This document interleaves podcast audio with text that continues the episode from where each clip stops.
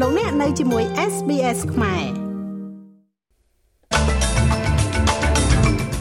គេរំពឹងថាប្រាក់សុភើនឹងដើរតួនាទីកាន់តែធំនៅក្នុងប្រាក់សន្សំពេលចូលនិវត្តន៍រដ្ឋាភិបាលនឹងដាក់ចេញកំណែទម្រង់ថ្មីមួយទៀតដើម្បីការពារអ្នករស់រានពីការរំលោភបំពានក្នុងគ្រួសារកុំឲ្យមានការរើសអើងនៅកន្លែងធ្វើការរូបថតរបស់លោកដូណាល់ត្រាំចេញផ្សាយតាក់ទងទៅនឹងការចោទប្រកាន់បទព្រហ្មទណ្ឌនៅពន្ធនាគារអាត្លង់តា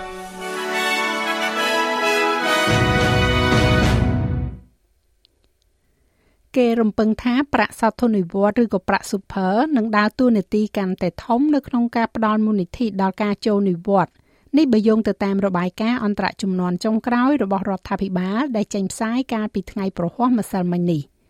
របាយការណ៍នេះបានកត់សម្គាល់ថានេះក៏នឹងមានន័យថាការធ្លាក់ចុះនៃការចំណាយទៅលើប្រាក់ចូលនិវត្តន៍ពេលចាស់ Age and Service Pension ដែលជាចំណែកមួយនៃផលិតផលក្នុងស្រុកសរុប GDP នៅឆ្នាំ 2062-63អ្នកតស៊ូមតិអ្នកប្រើប្រាស់ Super Consumers Australia បានធ្វើបច្ចុប្បន្នភាពគោលដៅសន្សំប្រាក់ចូលនិវត្តន៍របស់អ្នកដែលមានផ្ទះផ្ទាល់ខ្លួនដើម្បីឆ្លុះបញ្ចាំងពីការផ្លាស់ប្តូរថ្លៃចំណាយការរស់នៅ និងប្រាក់ចូលនិវត្តន៍ពេលចាស់ age pension លោក Mano Mohakuma គឺជាអ្នកគ្រប់គ្រងផ្នែកស្រាវជ្រាវការវិនិយោគនៅក្រុមហ៊ុនទិន្នន័យនិងការវិភាគ Chainvest លោកបានប្រាប់ SBS ថាអ្នកកាន់ប្រាក់ Super ត្រូវគិតគូររយៈពេលវែងអំពីមូលនិធិប្រាក់សន្សំរបស់ពួកគេ It's important for super fund members to always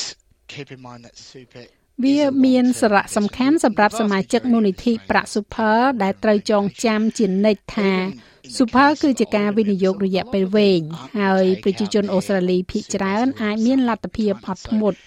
សម្បីតែនៅក្នុងករណីសមាជិកចាស់ចាស់ក៏ដោយពួកគេភាគច្រើនមិនទៅដកយកលុយ super ចេញទាំងដុំទាំងដុំពេលចូលនិវត្តន៍នោះទេដូច្នេះការវិនិយោគភាគច្រើនមានរយៈពេលវែងជាងអ្វីដែលគេគិតរដ្ឋមន្ត្រីក្រសួងការងារលោក Tony Berg បានប្រកាសថារដ្ឋាភិបាលនឹងដាក់ចេញនូវកំណែទម្រង់ថ្មីមួយទៀតដើម្បីការពារអ្នករស់រានមានជីវិតពីការរំលោភបំពាននៅក្នុងគ្រួសារកុំឲ្យមានការរើសអើងនៅកន្លែងធ្វើការ។ សំណើនេះគឺជាផ្នែកមួយនៃការបដិញ្ញាចិត្តរបស់គណៈបក Labor ក្នុងការជួយបញ្ចប់អំពើហិង្សាក្នុងគ្រួសារនិងអំពើហិង្សាផ្លូវភេទហើយលោក Berg ជឿថាការផ្លាស់ប្តូរច្បាប់ Fair Work Act ជាសក្តានុពលទាំងនេះនឹងជួយសង្គ្រោះជីវិត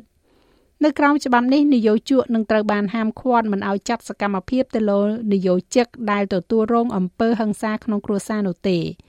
កិច្ចសន្យាការងាររួមទាំងកិច្ចព្រមព្រៀងសហគ្រាសរបស់ពួកគេនិងកិច្ចសន្យាប្រាក់រង្វាន់ក៏មិនអាចមានលក្ខខណ្ឌដែលរើសអើងប្រឆាំងទៅនឹងអ្នករស់រានមានជីវិតពីអំពើហិង្សាក្នុងគ្រួសារដែរប្រមាណជាម្នាក់ក្នុងចំណោមមនុស្សពេញវ័យ5នាក់បានជួបប្រទះអំពើហិង្សាក្នុងគ្រួសារហើយ2ភាគ3នៃអ្នកដែលនៅរស់រានមានជីវិតគឺជាផ្នែកនៃកម្លាំងពលកម្ម។ លោក Heranyck Jim Chambers បានចាន់ចោលការស្នើឡើងដែលថាក្រុមហ៊ុន Qantas គួរតែសងប្រាក់ដែលខ្លួនបានទទួលពីរដ្ឋាភិបាលត្រឡប់មកវិញ បន្ទាប់ពីក្រុមហ៊ុនអាកាសចរមួយនេះបានប្រកាសប្រាក់ចំណេញជាកំណត់ត្រាមួយក្រុមហ៊ុន Qantas កាលពីថ្ងៃប្រហ័សបានរាយការណ៍ពីប្រាក់ចំណេញចំនួន2470លានដុល្លារសម្រាប់ឆ្នាំហិរញ្ញវត្ថុកន្លងមកបើធៀបទៅនឹងការខាតបង់ជិត2000លានដុល្លារកាលពីឆ្នាំមុន។ ប៉ុន្តែក្រុមហ៊ុនអាកាសចរនេះស្ថិតនៅក្រោមសម្ពាធបន្ទាប់ពីទទួលបានលទ្ធផលនេះហើយនៅក្នុងការសងប្រាក់ដែលខ្លួនទទួលបានពីរដ្ឋាភិបាលសហព័ន្ធកាលពីវិបត្តិ COVID-19 ធ្ងន់ធ្ងរនោះត្រឡប់ទៅវិញក្រុមហ៊ុននេះទទួលបានថវិកា2700លានដុល្លារពីប្រាក់ពន្ធដែលប្រជាជនបង់ជូនរដ្ឋនៅក្នុងអំឡុងពេលជំងឺរាតត្បាត រួមទាំង900លានដុល្លារពីកម្មវិធី JobKeeper ផងដែរ។ ប៉ុន្តែលោក Heranyck Jim Chambers បាននិយាយថាប្រាក់ចំណេញពី Qantas បានបង្ហាញថាឧស្សាហកម្មទេសចរកំពុងមានការងើបឡើងវិញដ៏រឹងមាំក្រោយ COVID ទន្ទឹមនឹងនេះដែរនាយកប្រតិបត្តិក្រុមហ៊ុនអាកាសចរលោក Alan Joyce បាននិយាយថាមូលនិធិ JobKeeper ពីរដ្ឋាភិបាលគឺបានផ្ដល់ទៅឲ្យបុគ្គលិករបស់ខ្លួន។ រដ្ឋមន្ត្រីក្រសួងអប់រំលោក Jason Clare បានការពារសัญลักษณ์ឆ្នោតសម្រាប់ការបោះឆ្នោតប្រជាមតិរបស់គណៈកម្មាធិការរៀបចំការបោះឆ្នោតបន្ទាប់ពីគណៈបកប្រឆាំងសហព័ន្ធបានរិះគន់ថាវាមានភាពច្របូកច្របល់នៅក្រោមការណែនាំបច្ចុប្បន្ន អ្នកអាចសរសេរពាក្យថា yes ឬក៏ no ឬក៏គូសញ្ញា tick សម្រាប់ការបោះឆ្នោត yes ប៉ុន្តែប្រសិនបើអ្នកគូសញ្ញាខ្វែងសម្រាប់ការបោះឆ្នោត no វិញ វានឹងមិនត្រូវបានគេទទួលយកទេ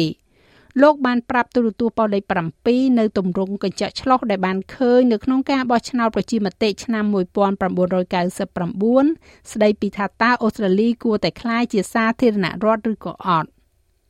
You know, part of the argument they're making is this is going to cause a heap of confusion. ខ្ញុំមានន័យថាផ្នែកមួយនៃអំណះអំណាងដែលពួកគេកំពុងធ្វើនោះគឺថាវានឹងធ្វើឲ្យមានការភ័ន្តច្រឡំនៅពេលដែលលោក John Harvard ធ្វើប្រជាមតិក្នុងសាធារណរដ្ឋច្បាប់ដូចគ្នាបានដំណើរការបានយ៉ាងល្អហើយខ្ញុំគិតថាមានតែជាង1%នៃសញ្ញាឆ្នោតដែលមិនផ្លូវការដូច្នេះខ្ញុំគិតថាវាធ្វើឲ្យមានពពុះនៃអំណះអំណាងនេះដែលថាវានឹងធ្វើឲ្យមានការភ័ន្តច្រឡំខ្លះ។ គណៈបកប្រឆាំងទទូចថាប្រសិនបើសញ្ញា tick អាចត្រូវបានរាប់សម្រាប់ការបោះឆ្នោត yes នោះសញ្ញាខ្វែងគួរតែត្រូវបានរាប់សម្រាប់ការបោះឆ្នោត no ដូចគ្នាដែរអនុប្រធានគណៈបកប្រឆាំងលោក Susan Lee សំទោសលោកស្រី Susan Lee បានប្រាប់ទូរទស្សន៍ប៉ុស្តិ៍លេខ7ថារដ្ឋាភិបាលគួរតែសរសេរទៅគណៈកម្មការរៀបចំការបោះឆ្នោតនិងស្នើសុំឲ្យមានភាពច្បាស់លាស់លើសញ្ញាឆ្នោតនេះ។ This is the modern era and we have a lot more Australians who don't speak English. នេះគឺជាយុគសម័យទំនើបដែលយើងមានជនជាតិអូស្ត្រាលីជាច្រើនទៀតដែលមិនចេះនិយាយភាសាអង់គ្លេសហើយយើងចង់ឲ្យអ្នករាល់គ្នាបោះឆ្នោតក្នុងការបោះឆ្នោតប្រជាមតិនេះហើយវាសាមញ្ញណាស់តើប្រជាជននឹងគិតយ៉ាងណាសញ្ញា tick គឺ yes ហើយសញ្ញាខ្វែងគឺ no ខ្ញុំរំពឹងខ្ញុំពិតជារំពឹងថា Jason និងក្រុមរបស់គាត់នឹងសរសេរស្រដៀងគ្នានេះទៅកាន់ AEC ដើម្បីសុំឲ្យច្បាប់នេះមានភាពយុត្តិធម៌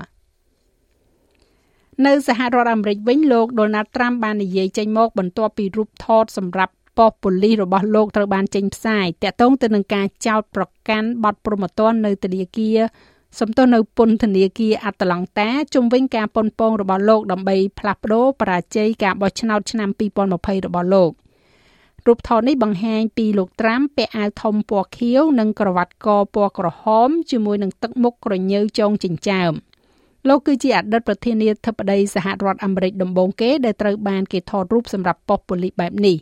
ថ្លែងទៅកាន់អ្នកសារព័ត៌មានមុនពេលឡើងយន្តហោះរបស់លោក លោកត្រាំបានបន្តទទូចថាការបរាជ័យនៅក្នុងការបោះឆ្នោតឆ្នាំ2020របស់លោកគឺមានការក្លែងបន្លំ និងបង្ហាញពីការជឿជ្រែកនៃការបោះឆ្នោត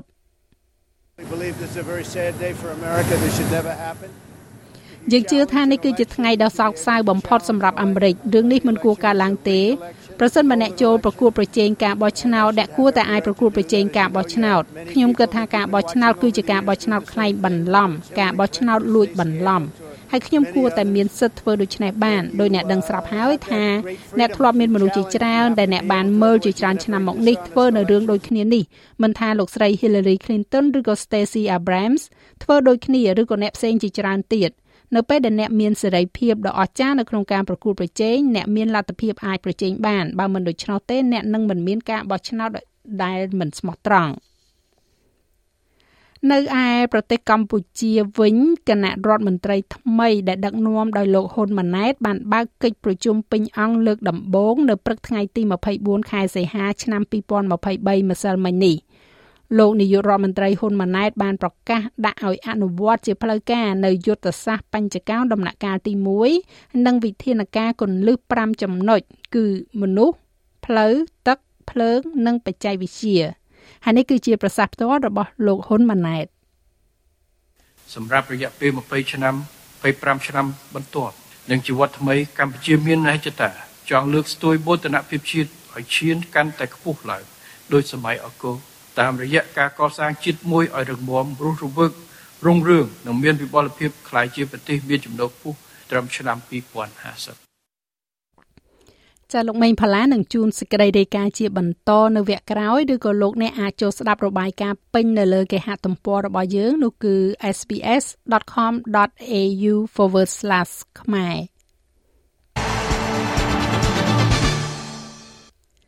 នៅក្នុងកីឡាបាល់ទាត់ប្រធានសហព័ន្ធកីឡាបាល់ទាត់អេស្ប៉ាញលោក Luis Rubiales គ្រោងនឹងលាលែងពីតំណែងនៅថ្ងៃសុក្រនេះបន្ទាប់ពី FIFA បើកដំណើរការនីតិវិធីដាក់ពិន័យលើរូបលោកជុំវិញការថើបមាត់កីឡាការិនី Jenny Hermoso ដែលនាងមិនស្វាគមន៍នៅក្នុងអំឡុងពេលប្រារព្ធពិធីជ័យជំនះ World Cup របស់ប្រទេសអេស្ប៉ាញឧបទ្ទវហេតុនេះបានបង្កឲ្យមានការខឹងសម្បាទាំងក្នុងនិងក្រៅប្រទេសអេស្ប៉ាញដោយមនុស្សជាច្រើនរួមទាំងរដ្ឋមន្ត្រីរដ្ឋាភិបាលបានទាមទារឲ្យលោកលាលែងពីតំណែង។ សម្ពាធបានបន្តកើនឡើងនៅក្នុងអំឡុងពេលនៃសប្តាហ៍នេះបន្ទាប់ពី FIFA បានបើកដំណើរការនីតិវិធីដាក់វិន័យមកលើរូបលោក Rubiales ហើយនាង Hermoso បាននិយាយនៅក្នុងសេចក្តីថ្លែងការណ៍ថាទង្វើបែបនេះមិនគួររួចខ្លួនដោយគ្មានការដាក់ពិន័យឡើយចំណែកឯអត្រាប្តូរប្រាក់វិញ1ដុល្លារអូស្ត្រាលីមានតម្លៃប្រមាណជា64សេនដុល្លារអាមេរិកត្រូវនឹង2670រៀលប្រាក់រៀលខ្មែរ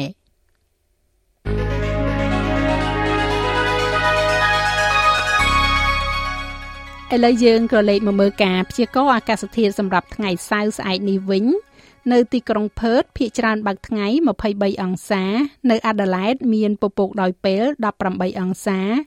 មានពពកនៅមែលប៊ន15អង្សា មានពពកដោយពេលនៅហូបាត12អង្សា ដូចគ្នានៅខេនប៊ែរ៉ា19អង្សា ទីក្រុងស៊ីដនីភាគច្រើនបើកថ្ងៃ21អង្សាបើកថ្ងៃនៅ Brisbane 25អង្សា ទីក្រុង Cairns រលឹម25អង្សា នៅ Darwin បើកថ្ងៃ34អង្សា និងនៅទីក្រុងភ្នំពេញ មានផ្គររន្ទះរាយប៉ាយ36អង្សា